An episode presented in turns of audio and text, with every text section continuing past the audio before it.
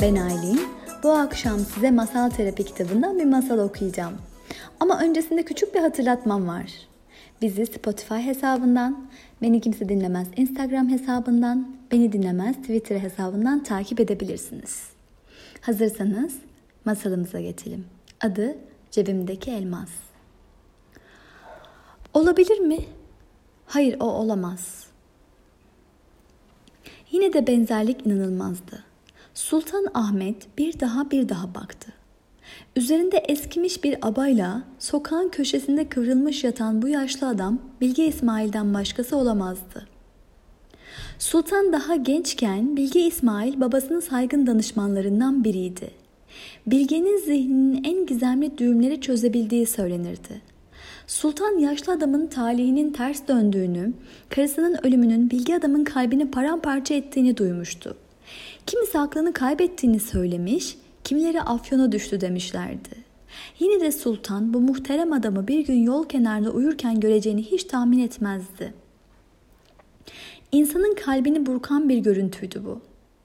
Sultan orada olduğunu belli edip onu küçük düşürmek yerine Bilge İsmail'i görmemiş gibi yaptı ve onu uyandırmadan yürüyüp gitti.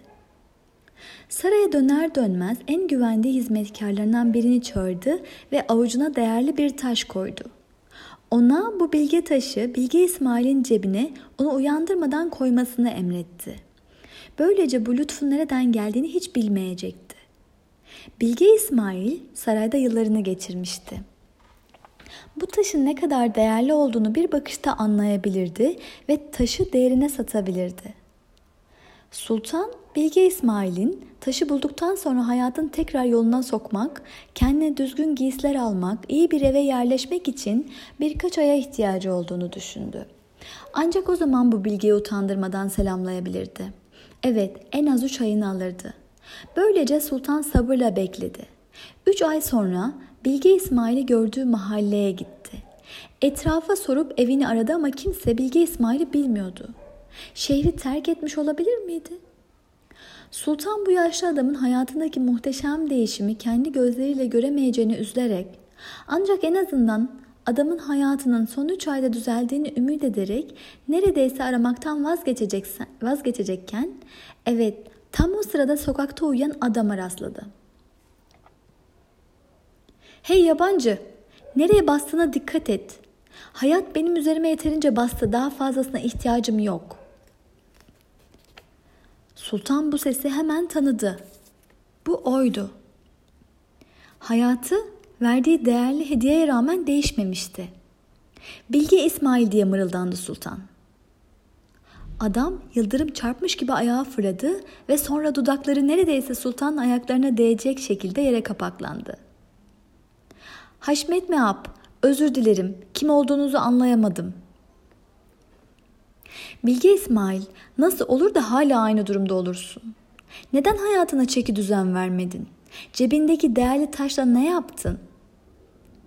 Bilge İsmail kendini tutamayıp güldü. Haşmet Meap, hayal görüyor olmalısınız. Benim cebimde değerli taş ne gezer? Değerli bir taş benim cebime nasıl girebilir?'' Karımın ölümünden beri dertten başka bir şey bilmedim. Lanetlendim. Yıllardır talih yüzüme gülmedi. Cebimde değerli bir taş mı? Buna imkan yok. Evet. Bu masalın bize vermek istediği mesaj mucizelere inan. Hayat sürekli cebimize değerli taşlar koyar ama biz onları çakıl taşı sanıp cebimizden çıkarır ve sokağa atarız. Gerçek bir elmasın ulaşılabilir olduğunu hiç düşünmeyiz.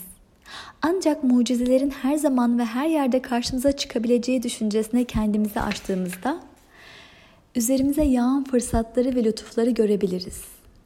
Bütün potansiyellerimizi küçük hedefleri gerçekleştirmeye çalışarak harcar, aynı enerjiyi büyük hayallere yatırmayı hiç düşünmeyiz. Olasılıklarla ilgili algı sınırlarını genişlettiğinde çözümün en baştan beri önünde durduğunu görürsün. Sadece nefes al ve daha büyük düşün.